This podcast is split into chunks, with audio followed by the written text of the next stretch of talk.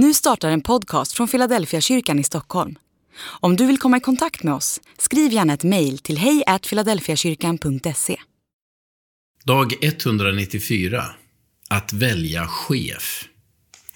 God has no iPhone, but, I can, but I'll talk to him.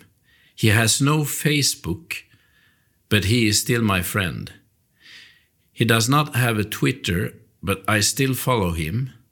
And even without internet, I'm still in contact with him. Will Smith.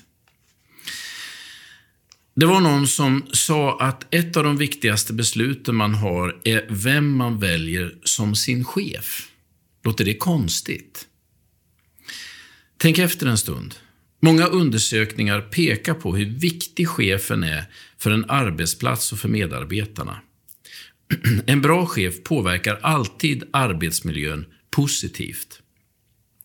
En bra chef kommunicerar, fördelar arbete, hanterar konflikter, ger feedback och tar ansvar så att alla kan vara med och bidra.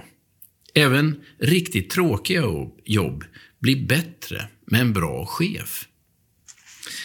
Om chefen är viktig på jobbet så är chefskapet ännu viktigare i livet. Inte bara vem du leder och hur du utövar inflytande, utan även ännu mer vem som leder dig och vem som har inflytande över dig.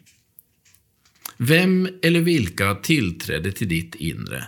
Och vem eller vilka får till, påverka din syn på dig själv, på andra och på världen du lever i? För vad vi än tror om oss själva så står vi alla under inflytande från andra och annat. Frågan är bara, har du gjort ett medvetet val av vem som chefar över ditt liv?